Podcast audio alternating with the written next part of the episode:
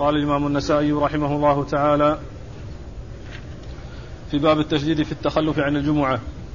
قال أخبرنا محمود بن غيلان قال حدثنا الوليد بن مسلم قال حدثني المفضل بن فضالة عن عن عياش بن عباس عن بكير بن الأشج عن نافع عن ابن عمر عن حفصة زوج النبي صلى الله عليه وسلم أن النبي صلى الله عليه وسلم قال رواح الجمعة واجب على كل محتلم.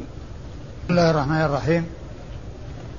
الحمد لله رب العالمين وصلى الله وسلم وبارك على عبده ورسوله نبينا محمد وعلى آله وأصحابه أجمعين. أما بعد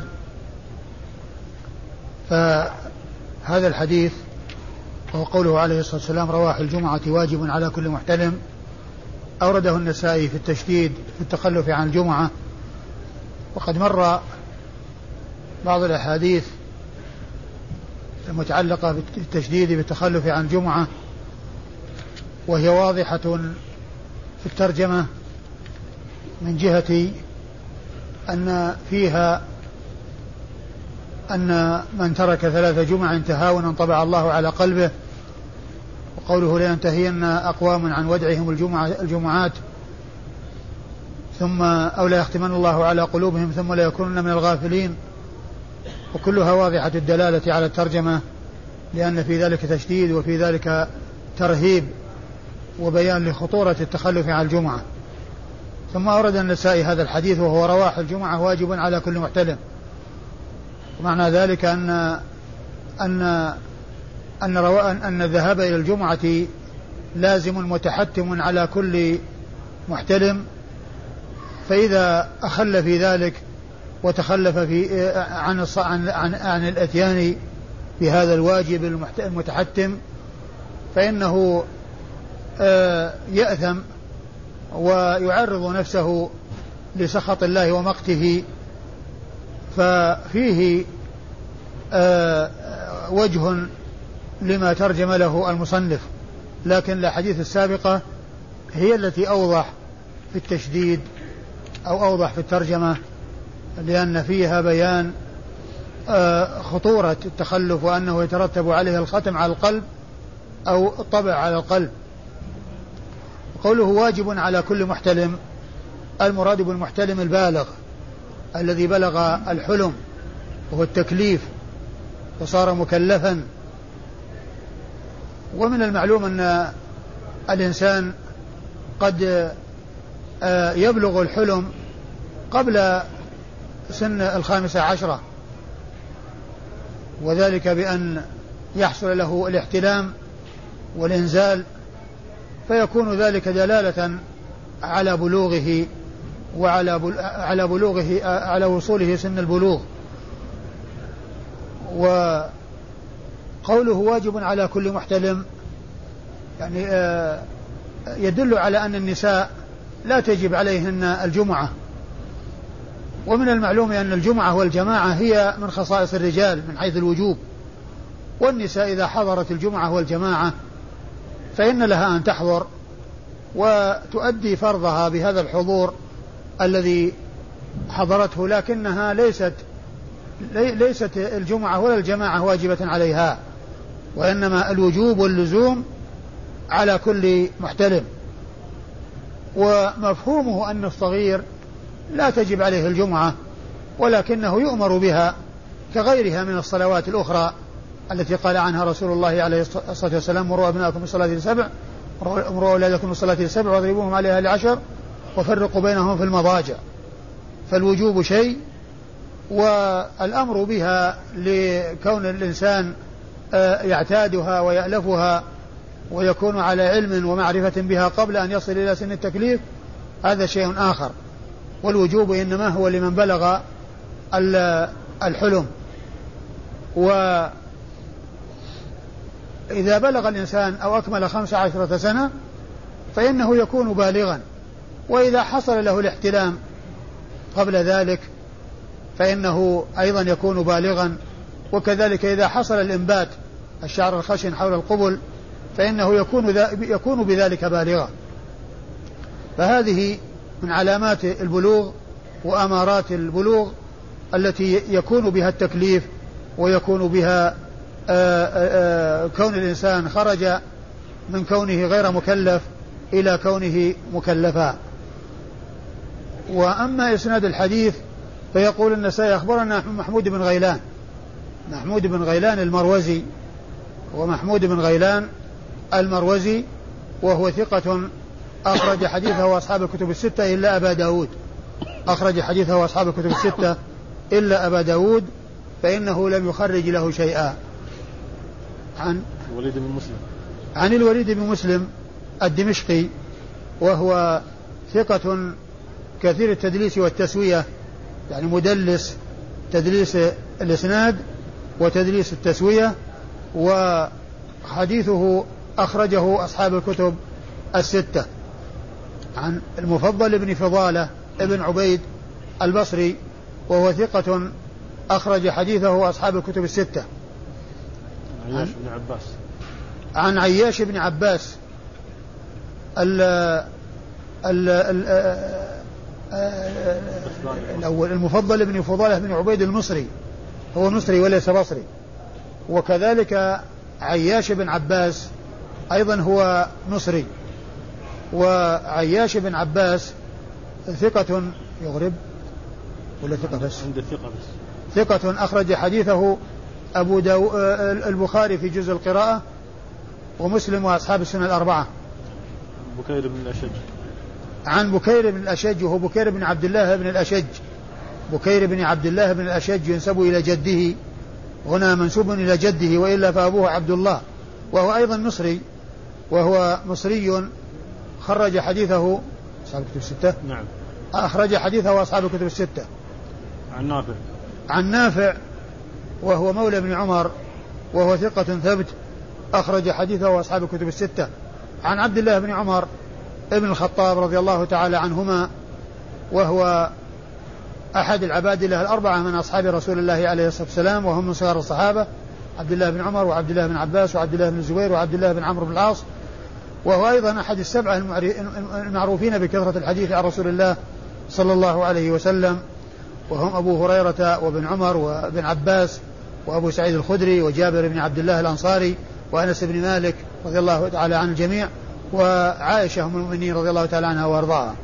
فهؤلاء سبعة آه، اشتهروا بكثرة آه، الحديث عن رسول الله عليه الصلاة والسلام. نعم. عن حفصة. عن حفصة أم المؤمنين عن حفصة أم المؤمنين زوج زوج زوج النبي صلى الله عليه وسلم وحفصة بنت عمر بن الخطاب رضي الله تعالى عنها وعن أبيها وعن الصحابة أجمعين وحديثها عند أصحاب الكتب الستة. وقال رحمه الله تعالى باب كفارة من ترك الجمعة من غير عذر. قال أخبرنا أحمد بن سليمان قال حدثنا يزيد بن هارون قال حدثنا همام عن قتادة عن قدامة بن وبرة عن سمرة بن جندب قال قال رسول الله صلى الله عليه وسلم من ترك الجمعة من غير عذر فليتصدق بدينار فإن لم يجد فبنصف دينار. ثم ورد النسائي كفارة من تخلف عن الجمعة من تخلف؟ من ترك الجمعة من غير عذر. كفار باب كفارة من ترك الجمعة من غير عذر. آه المقصود من هذه الترجمة أن من تركها بعذر فهو معذور ولا شيء عليه. والحديث الذي مر قبل هذا آه رواح الجمعة واجب على كل محتلم آه عام في كل مكلف إلا أنه يخص منه من كان بعذر. يخص منه المعذور. يخص منه من كان معذورا في ترك الجمعة وفي التخلف عن الجمعة. وهذا الحديث وهذه الترجمة فيها بيان كفارة من تخلف عن من ترك الجمعة من غير عذر.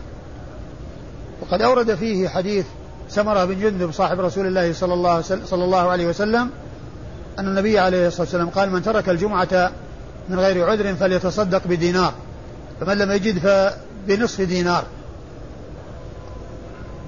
فالكفارة التي دل عليها هذا الحديث هي دينار إن كان واجدا وإن كان غير واجد للدينار فإنه يتصدق بنصف الدينار فإنه يتصدق بنصف الدينار.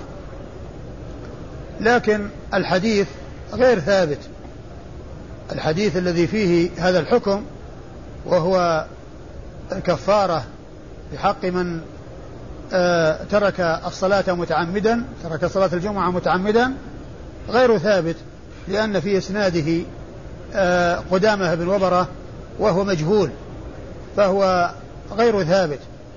يضاف إلى هذا إلى الجهالة يضاف إلى الجهالة في آه، الإسناد النكارة في المتن وهو كون كون ترك أمر خطير أمر عظيم التي هي الجمعة يكفيه أن يتصدق بدينار أو نصف دينار ويكون ذلك كفارة له. فهذا فيه نكارة من حيث من حيث المعنى. بالإضافة إلى الضعف في الإسناد و وكون فيه رجلا مجهولا وهو قدامة بن وبرة آه، ففيه النكارة في المتن وأن هذه وأن وأن الإنسان إذا أتى بالكفارة أنها تكفر ذلك العمل الخطير الذي تركه وكونه ترك الجمعة, الجمعة من غير عذر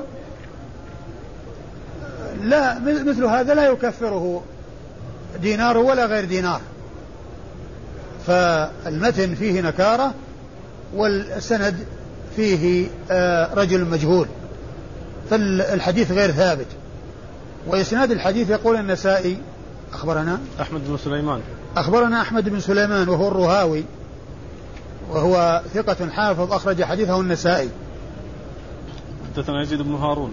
حدثنا يزيد بن هارون ويزيد بن هارون ثقة متقن أخرج حديثه أصحاب الكتب الستة.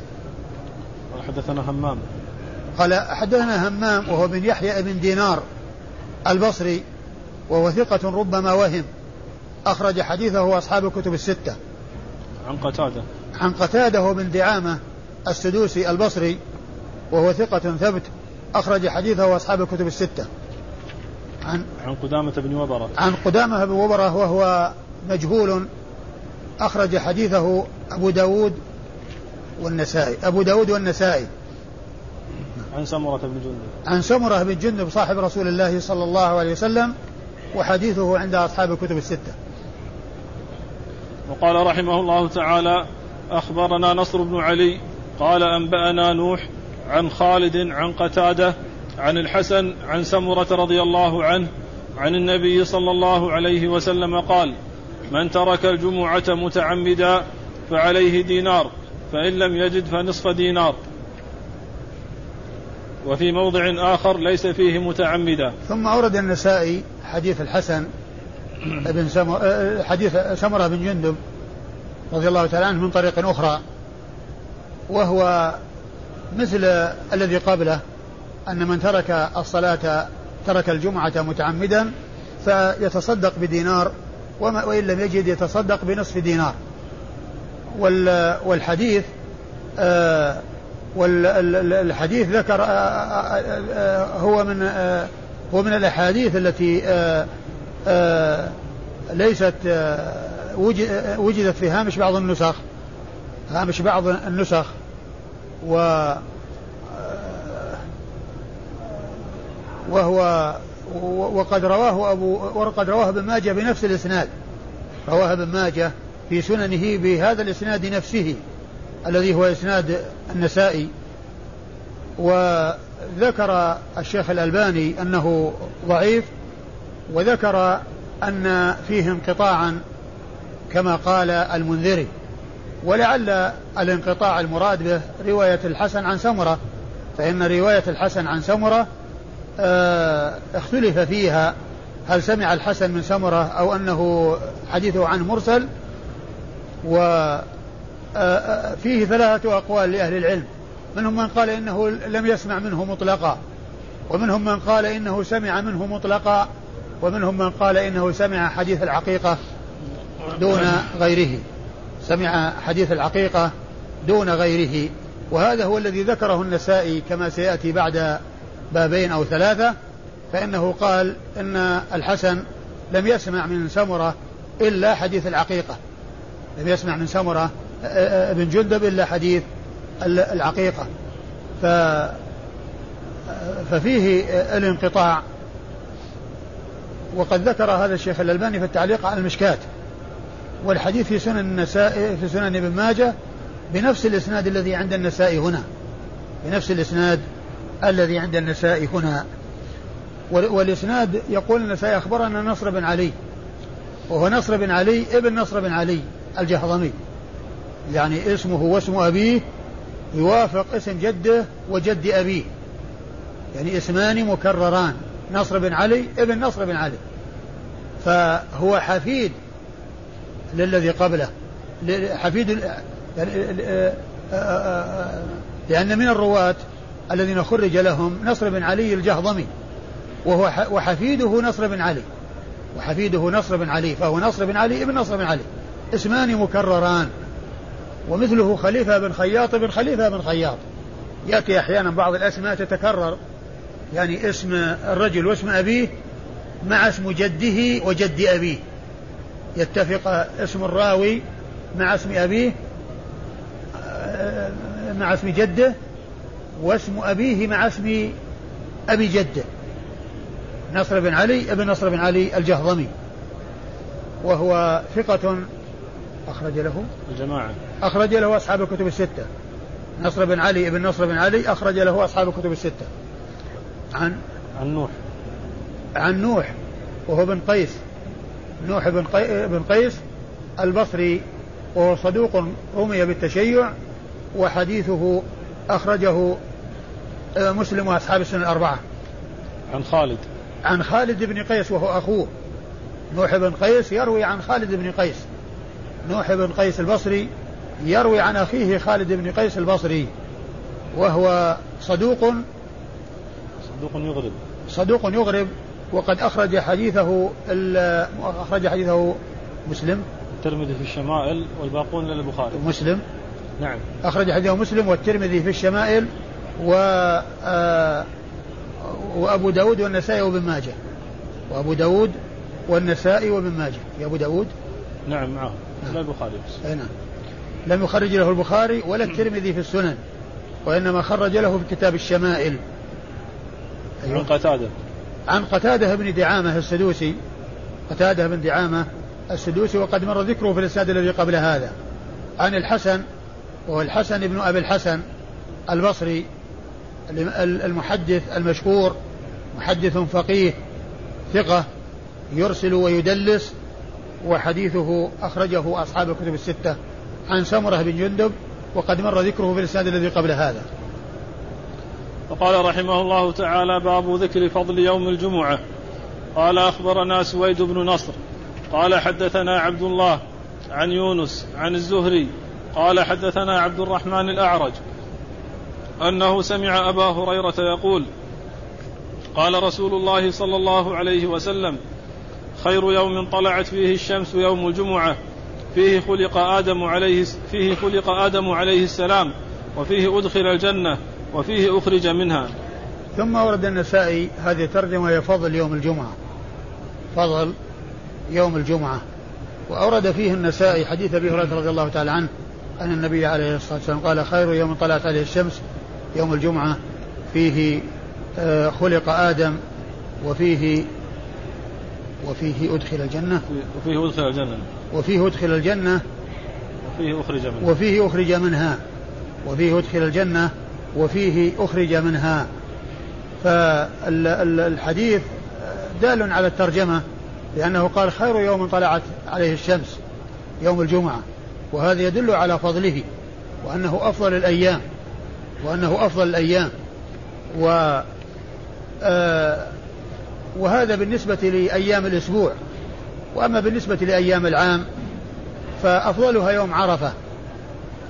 وصوم يوم عرفة لغير أهل عرفة آه هو آكد آه صيام التطوع وأفضل صيام التطوع وهو يكفر السنة الماضية والسنة الآتية كما جاء ذلك عن رسول الله صلى الله عليه وسلم. وإذا وافق يوم عرفة يوم الجمعة تجتمع الفضيلتان فضيلة آه، يوم عرفة الذي هو أفضل الأيام وفضيلة يوم الجمعة الذي هو أفضل أيام الأسبوع الذي هو أفضل وخير أيام الأسبوع. والنبي عليه الصلاة والسلام بين شيئا من خصائصه فقال فيه خلق آدم فيه خلق آدم. فإن خلق أو أبو البشر آدم عليه الصلاة والسلام كان يوم الجمعة. ودخوله الجنة كان يوم الجمعة وإخراجه منها كان يوم الجمعة وقيام الساعة يكون يوم الجمعة. ففيه آه، بداية آه، خلق الإنسان ونهاية الإنسان. فإن الساعة تقوم تقوم يوم الجمعة كما جاء في بعض الأحاديث عن رسول الله عليه الصلاة والسلام. وخصائص الجمعة كثيرة ذكرها ابن القيم في كتابه زاد المعاد في أوله وقد أوصلها إلى ما يزيد على أربعين خصيصة وفضيلة آه هي كلها تتعلق في هذا اليوم. وقد ألف فيه بعض الكتب الخاصة بفضائل يوم الجمعة خاصة بفضائل يوم الجمعة والحديث دال على فضل الجمعة لأنه قال إنه خير يوم طلعت عليه الشمس خير يوم طلعت عليه الشمس. ومن ما يجري فيه أن خلق أبي البشر كان فيه ونهاية وجود البشر في هذه الحياة الدنيا إنما يتم يوم الجمعة وينتهي يوم الجمعة ففيه تقوم الساعة. الساعة تقوم يوم الجمعة لا تقوم في أيام الأسبوع الأخرى ولكن في أي شهر وفي أي عام لا يعلم ذلك إلا الله عز وجل. والنبي عليه الصلاة والسلام إذا سئل عن الساعة إما أن يجيب بعدم علمه بها أو يجيب بأمارة من أماراتها أو شيء من العلامات التي تكون قبلها. أو يصرف النظر إلى ما هو أهم من ذلك كما في الرجل الذي سأله قال متى الساعة؟ فقال عليه الصلاة والسلام وماذا أعددت لها؟ قال أعددت لها حب الله ورسوله. قال عليه الصلاة والسلام المرء مع من أحب. فالجمعة الساعة تقوم يوم الجمعة لكن في أي شهر وفي أي عام لا يعلم ذلك إلا الله عز وجل. ما جاء فيه عن النبي عليه الصلاة والسلام شيء وإنما الذي جاء في يوم الجمعة أنها, تقوم إنها فيه تقوم الساعة ففيه بداية الخلق وفيه نهاية الخلق. ولهذا كان من الأمور التي أو من الأشياء المشروعة في يوم الجمعة أنه يقرأ ألف لام من السجدة وهل أتى على الإنسان في في صبيحتها وفي فجر يومها وذلك لأنه مشتملة على بدء الخلق ونهاية الخلق. ففي ذلك تذكير بالمبدأ والمعاد لأن هذا اليوم كانت في بداية بداية خلق البشر وفيه نهاية البشر وفيه نهاية البشر. فقراءة الإنسان لهاتين السورتين في يوم فجر يوم الجمعة فيه استذكار لما حصل في يوم الجمعة ولما يحصل في الجمعة في يوم الجمعة في المستقبل. لما حصل في الماضي في يوم الجمعة من خلق آدم أبي البشر ولما يحصل في المستقبل من قيام الساعة يوم الجمعة كما أخبر بذلك رسول الله صلوات الله وسلامه وبركاته عليه. آه، الإسناد؟ سويد بن نصر. أخبرنا سويد بن نصر. سويد بن نصر هو المروزي ولقبه الشاه و آه وهو ثقة أخرج حديثه الترمذي والنسائي وهو راوية عبد الله بن المبارك. وهو يروي هنا عن عبد الله غير منسوب والمراد به عبد الله بن المبارك المروزي. عبد الله بن المبارك المروزي إذا جاء كل ما جاء آه سويد بن نصر يروي عن عبد الله مهمل غير منسوب فالمراد به عبد الله المبارك لأنه راويته وهما مروزيان. آه وعبد الله بن المبارك المروزي ثقة ثبت حجة إمام مجاهد ذكر الحافظ ابن حجر في ترجمته في التقريب أنه قال لما ذكر جملة من خصاله الحميدة قال جمعت فيه خصال الخير. جمعت فيه خصال الخير. وبعض العلماء قال هو أجل من أن يقال فيه ثقة. هو أجل من أن يقال فيه ثقة يعني أنه آآ آه، آآ آه، بلغ الغاية في التوثيق.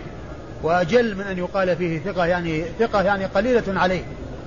يعني كونه يقال فيه ثقة هذه قليلة عليه. وابن حجر لما ذكر جملة من صفاته الحميدة وخصاله آه، الحسنة قال جمعت فيه خصال الخير. وحديثه أخرجه أصحاب الكتب الستة. عن يونس وهو بن يزيد الأيلي. يونس بن يزيد الأيلي وهو ثقة آه، أخرج حديثه أصحاب الكتب الستة. عن الزهري وهو محمد بن مسلم ابن عبيد الله بن عبد الله ابن آه هو محمد بن مسلم ابن عبيد الله بن عبد الله بن الحارث ابن شهاب, ابن شهاب بن عبد الله بن الحارث ابن زهرة بن كلاب. ينتهي نسبه إلى جده زهرة بن كلاب أخو قصي بن كلاب. يلتقي نسبه مع نسب النبي عليه الصلاة والسلام بكلاب الذي هو والد قصي الذي الذي من سلالته النبي صلى الله عليه وسلم وزهرة الذي منه الزهري. فينسب إليه يقال الزهري نسبة إلى جده زهرة بن كلاب. وينسب أيضا إلى جده شهاب الذي هو جد جده. محمد بن عبد الله محمد بن مسلم ابن عبد الله ابن عبيد الله ابن شهاب. محمد بن مسلم ابن عبيد الله ابن عبد الله ابن شهاب.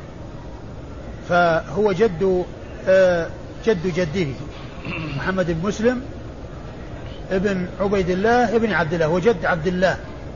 وجد جده الذي هو عبيد الله ابن عبد الله شهاب. فهو ينسب إلى جد جده شهاب. فيقال له ابن شهاب ويقال له الزهري. كثيرا ما يأتي بهذين اللفظين. إما يقال ابن شهاب وإما يقال الزهري. وهو إمام آه، متفق على جلالته وإمامته وإتقانه وحديثه أخرجه أصحاب الكتب الستة وهو من صغار التابعين. وهو من صغار التابعين الذين أدركوا صغار الصحابة. وهو الذي قام بجمع السنة بتكليف من الخليفة عمر بن عبد العزيز. وقد قال فيه السيوطي في الألفية أول جامع الحديث والأثر ابن شهاب آمر له عمر. ابن شهاب آمر له عمر أي آمر أمره بذلك عمر بن عبد العزيز في زمن خلافته رحمة الله عليه. عن عبد الرحمن الأعرج. عن عبد الرحمن الأعرج وهو عبد الرحمن بن هرمز. الأعرج لقب واسمه عبد الرحمن بن هرمز. أحيانا يذكر بلقبه فقط وهو الأعرج. وأحيانا باسمه ونسبته عبد الرحمن بن هرمز وأحيانا يجمع بين اسمه ولقبه فيقال عبد الرحمن الأعرج. وأحيانا يجمع بين اسمه ولقبه فيقال عبد الرحمن الأعرج وهو آه، مدني ثقة أخرج حديثه أصحاب الكتب الستة. عن أبي هريرة رضي الله تعالى عنه عبد الرحمن بن آه، عبد الرحمن بن صخر الدوسي صاحب رسول الله عليه الصلاة والسلام وهو أحد السبعة الذين عرفوا بكثرة الحديث عن رسول الله عليه الصلاة والسلام بل هو أكثر السبعة حديثا على الإطلاق. وقال رحمه الله تعالى إكثار الصلاة على النبي صلى الله عليه وسلم يوم الجمعة. قال أخبرنا إسحاق بن منصور قال حدثنا حسين الجعفي عن عبد الرحمن بن يزيد بن جابر عن أبي الأشعث عن أبي الأشعث الصنعاني عن أوس بن أوس عن النبي صلى الله عليه وسلم قال إن من أفضل أيامكم يوم الجمعة. فيه خلق آدم عليه السلام وفيه قبض وفيه النفخة وفيه الصعقة فأكثروا علي من الصلاة فإن صلاتكم معروضة علي. قالوا يا رسول الله وكيف تعرض صلاتنا عليك وقد أرمت؟ أي يقولون قد بليت. قال إن الله عز وجل قد حرم على الأرض أن تأكل أجساد الأنبياء عليهم السلام. ثم ورد النسائي هذه الترجمة وهي إكثار الصلاة على النبي صلى الله عليه وسلم يوم الجمعة. أه الصلاة على النبي عليه الصلاة والسلام أه شرعت في مواضع منها يوم الجمعة وليلة الجمعة ومنها بعد الأذان ومنها عند دخول المسجد والخروج منه. و وعند ذكره كلما يذكر صلى الله عليه وسلم يصلى ويسلم عليه عليه الصلاة والسلام. وقد جاء في بعض الأحاديث أن أولى الناس بيوم القيامة أكثرهم علي صلاة. وقال عليه الصلاة والسلام البخيل من ذكرت عنده فلم يصلي علي صلى الله عليه وسلم. ف آه، ويسلم عليه صلى الله عليه وسلم دائما وابدا. ويكثر من الصلاة والسلام عليه ولكن جاءت السنة في مواضع يصلى عليه فيها كما أشرت إلى بعضها. وقد أورد النسائي هذه الترجمة وهي إكثار الصلاة على النبي صلى الله عليه وسلم يوم الجمعة وأورد فيه حديث أوس بن أوس رضي الله تعالى عنه أنه قال إن من خير أيام من أفضل أيامكم يوم الجمعة فيه خلق آدم وفيه وفيه قبض. وفيه قبض وفيه النفخة وفيه الصعقة. فأكثروا من الصلاة علي فأكثروا. فأكثروا علي من الصلاة فإن صلاتكم فأكثروا علي من الصلاة فإن صلاتكم معروضة علي. قالوا وكيف تعرض عليك صلاتنا وقد أنمت؟ قال إن الله حرم على الأرض أن تأكل أجساد الأنبياء. محل الشاهد منه قوله فأكثروا من الصلاة علي. فأكثروا من الصلاة علي. هذا يدلنا على الأمر أو الحث على إكثار الصلاة على النبي عليه الصلاة والسلام في يوم الجمعة وليلة الجمعة. و آه، فيه آه، ما في الذي قبله من جهة خيريته إلا أنه هنا قال من خير الأيام ومن أفضل الأيام من أفضل أيامكم. والحديث الأول قال خير يوم طلعت عليه الشمس خير يوم طلعت عليه الشمس. وهو دال على فضل يوم الجمعة ودال أيضا على ما دل عليه الذي قبله من جهة أنه خلق فيه آدم وفيه قبض وفيه أدخل الجنة وفيه أخرج منها. كل ذلك حصل يوم الجمعة. فيه خلق آدم وفيه أدخل الجنة وأخرج من الجنة وقبض مات آدم عليه الصلاة والسلام. وفيه النفخة وفيه الصعقة. وفيه النفخة وفيه الصعقة. النفخة التي هي النفخ الذي يكون فيه البعث ويكون معه البعث. وفيه الصعق التي النفخة التي يكون معها الصعق وهو الموت. موت من كان على قيد الحياة في ذلك الزمان. فإن الساعة تقوم يوم الجمعة وينفخ في الصور يوم الجمعة فيصعق من في السماوات ومن في الأرض إلا من شاء الله. ويوم ينفخ في الصور فصعق من في السماوات ومن في الأرض إلا من شاء ونفخ في الصور فصعق من في الأرض إلا ما شاء الله ثم نفخ في أخرى فإذا هم قيام ينظرون. ففيه نفخة الموت التي هي نفخة الصعق ونفخة البعث التي هي النفخة الثانية في ذلك يوم الجمعة. ففيه بداية الخلق وفيه نهاية الخلق. وهذه من الأمور التي تحصل في يوم الجمعة التي منها ما حصل ومنها ما لم يحصل ولكنه سيحصل في المستقبل كما أخبر بذلك رسول الله عليه الصلاة والسلام. وهذا من الإيمان بالغيب لأن الإخبار عن أمور ماضية والإخبار عن أمور مستقبلة كله من الإيمان بالغيب. والحديث دال على الإيمان بالغيب ماضيا ومستقبلا. دال على الإيمان بالغيب ماضيا ومستقبلا لأن الحديث هذا فيه خلق آدم وإدخاله الجنة وإخراجه منها وهذا قد مضى. وهو غيب لا نعلمه إلا عن طريق الوحي. وفي المستقبل وفيه النفخة وفيه الصعقة. هذا أمر يحصل في المستقبل وهو غيب. لا نعلمه إلا بالإخبار عن الرسول الكريم صلى الله عليه وسلم فهو دال على الإيمان بالغيب ماضيا ومستقبلا ففيه الاثنان. ثم إن النبي عليه الصلاة والسلام آه، أرشد آه، ورغب وحث على الصلاة عليه في يوم الجمعة بل والإكثار من ذلك. في يوم الجمعة وليلة الجمعة حث على الصلاة عليه. وقال إن صلاتكم معروضة علي يعني معناها أنها أنه يبلغ إياها وتصل إليه الصلاة والسلام عليه عليه الصلاة والسلام. يبلغ إياه وذلك بواسطة الملائكة السياحين. كما قال كما قال عليه الصلاة والسلام إن لله ملائكة سياحين يبلغوني عن أمة السلام. يبلغوني عن أمتي السلام. وقال عليه الصلاة والسلام لا تجعلوا بيوتكم قبورا ولا تتخذوا قبري عيدا وصلوا علي فإن صلاتكم تبلغني حيث كنتم. صلوا علي فإن صلاتكم تبلغني حيث كنتم.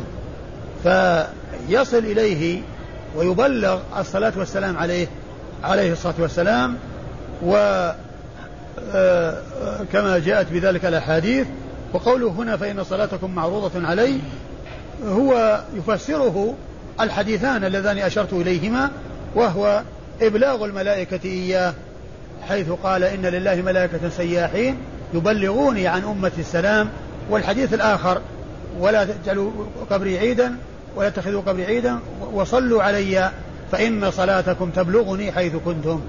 صلوا علي فإن صلاتكم تبلغني حيث كنتم. ولما قالوا ولما قال فإن صلاتكم معروضة علي وكانوا يعلمون أن الناس إذا قبروا أنه أنهم يذهبون في التراب وأن وأن أنها تتلاشى أجسامهم وتذهب في التراب والله عز وجل قال قد علمنا ما تنقص الأرض منهم. يعني فنحن نعلم ما يتحل ما آه، يذهب من أجسادهم من ذرات تختلط بالتراب ونحن نعلم ذلك ونعيده. نعيد تلك الذرات التي راحت في التراب ونستخرجها من التراب حتى ترجع كل ذرة إلى مكانها ويبعث الإنسان الذي كان في الدنيا. ما هو جسد جديد يوجد ولا وجود له في الدنيا بل الجسد اللي في الدنيا هو الذي يعاد. وإعادته أن أن ذراته التي راحت في التراب الله تعالى يستخرجها ويعيدها حتى ترجع كل ذرة إلى مكانها ويعود الإنسان على هيئته. فالجسم الذي كان في الدنيا هو الذي يعاد وهو الذي ينعم ويعذب.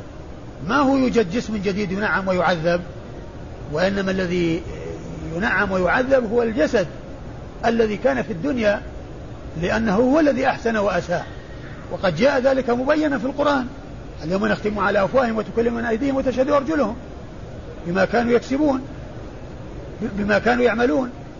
ف يعني آه، ما تشهد إلا التي كانت في الدنيا.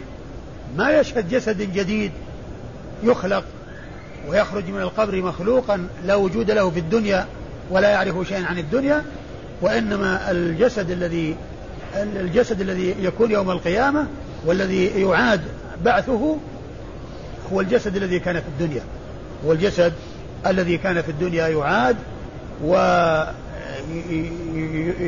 ويثاب على إحسانه إن كان محسنا ويعاقب على الإساءة إذا كان مسيئا ويصل الثواب والعقاب إلى من حصل منه الإساءة وليس إلى جسد جديد. فقالوا كيف تعرض صلاتنا عليك وقد أرمت يعني فهموا أن الإنسان أن الإنسان إذا دفن أنه يتلاشى مع التراب ويختلط بالتراب. ولكن أخبر النبي عليه الصلاة والسلام أن شأن الأنبياء يختلف عن الناس. قال إن الله حرم على الأرض أن تأكل أجساد الأنبياء. إن الله حرم على الأرض أن تأكل أجساد الأنبياء لأنهم فهموا أن الأرض تأكل الأجساد وأن أجساد الإنسان تتلاشى مع في التراب وتختلط بالتراب. والله تعالى يقول يعني مبينا البعث وقدرته عليه قال قد علمنا ما تنقص الأرض منه. يعني فنحن نعيد ذلك. وقصة الرجل الذي آه، من بني إسرائيل الذي آه، جاء في الحديث الذي قال إذا أنا مت فأحرقوني في النار وأسحقوني ثم خذوا يعني آه، الرماد وذروه يعني في, الهواء وجعلوا جزء في البحر وجزء في البر فإن قدر الله علي ليعذبني عذابا لا يعذب أحد من العالمين. فالله عز وجل أمر البحر بأن يخرج ما فيه والبر بأن يخرج ما فيه حتى عادت كل ذرة إلى مكانها وعاد نفس الجسد. وهذه كيفية البعث الجسد اللي في الدنيا هو الذي يبعث. الجسد الذي كان في الدنيا الذي في الدنيا هو الذي يبعث. وقصة إبراهيم في قصة قال ربي أرني كيف تحيي قال قال بلى ولكن ليطمئن قلبي فقال خذ أربعة من الطير فصلهن إليك. يأخذ أربعة من الطيور ثم يقطعهن قطع ثم يخلطها مع بعض ثم يجعل على كل جبل قطعة من هذه المجموعة ثم الله عز وجل يأمرها بأن تخرج تلك القطع المتجمعة حتى ترجع الطيور على ما كانت على هيئتها وعلى شكلها وتلك القطع من اللحم التي خلطت وجمع بعضها إلى بعض وفرقت في أماكن متعددة. يأتي كل جزء منها حتى يركب في مكانه ويستقر في مكانه الذي كان عليه قبل أن قبل أن تذبح وتقطع. فهذه كيفية الخلق وإعادة الخلق يوم القيامة أن نفس الأجساد أنها تعاد. التي كانت في الدنيا هي التي تعاد. إن الله حرم على الأرض أن تأكل أجساد الأنبياء. فهذا يدل على أن أجساد الأنبياء أنها في قبورهم أنهم في قبورهم آه كما كانوا. ولا يتأثرون ولا تغيرهم البلاء وطول المكث ولا يختلطون بالتراب. وأما بالنسبة لغير الأنبياء فإنه لا لم يأتي نص يدل على بقاء أجسادهم بدون تأثر وبدون تغير.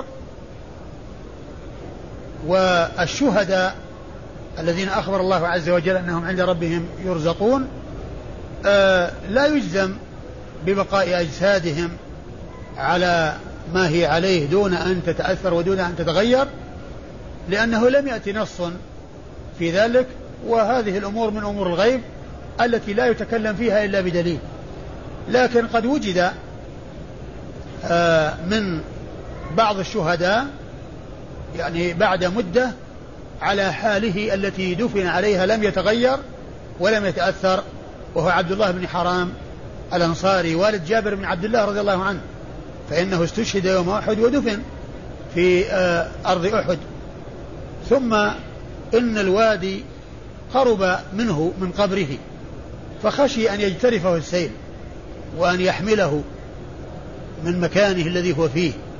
فنبشه ابنه جابر رضي الله تعالى عنه بعد ستة أشهر ووجده كهيئته التي دفن عليها. لم يتغير جسده ولم تأكل الأرض شيئا من جسده رضي الله تعالى عنه وأرضاه. وهذا لا يدل على بقاء الشهداء دائما وأبدا وإنما يدل على أن أن أنه أنها قد تبقى مدة كما حصل يعني في قصة عبد الله بن حرام والد جابر ولكن البقاء إلى يوم البعث والنشور لم يأتي فيه نص يدل عليه وإنما جاء النص في حق الأنبياء فيثبت ما جاء في الدليل ويسكت عما لم يأتي به الدليل والله تعالى على كل شيء قدير. وإسناد الحديث يقول النسائي أخبرنا إسحاق بن منصور. إسحاق أخبرنا إسحاق بن منصور وهو الكوسج وهو ثقة أخرج حديثه أصحاب الكتب الستة إلا أبا داود. مثل محمود بن غيلان الذي مر مثل محمود بن غيلان الذي مر قريبا آه، أخرج له أصحاب الكتب الستة إلا أبا داود. عن حسين الجعفي. عن حسين الجعفي وحسين بن علي. حسين بن علي الجعفي وهو ثقة أخرج حديثه أصحاب الكتب الستة. عن عبد الرحمن بن يزيد بن جابر. عن عبد الرحمن بن يزيد بن جابر وهو ثقة أخرج حديثه أصحاب الكتب الستة أيضا. عن, عن أبي الأشعث الصنعاني. عن أبي عن أبي الأشعث الصنعاني. إيش اسمه؟ ما عند واسع إخوان. ها؟ اسمه. لا اسمه. شراحيل بن آدة نعم اسمه شراحيل بن آدة شراحيل بن آدة. هذا اسم أبي الأشعث الصنعاني. وقد أخرج حديثه مسلم وأصحاب السنة الأربعة. عن أوس بن أوس. وهو وهو وهو ثقة.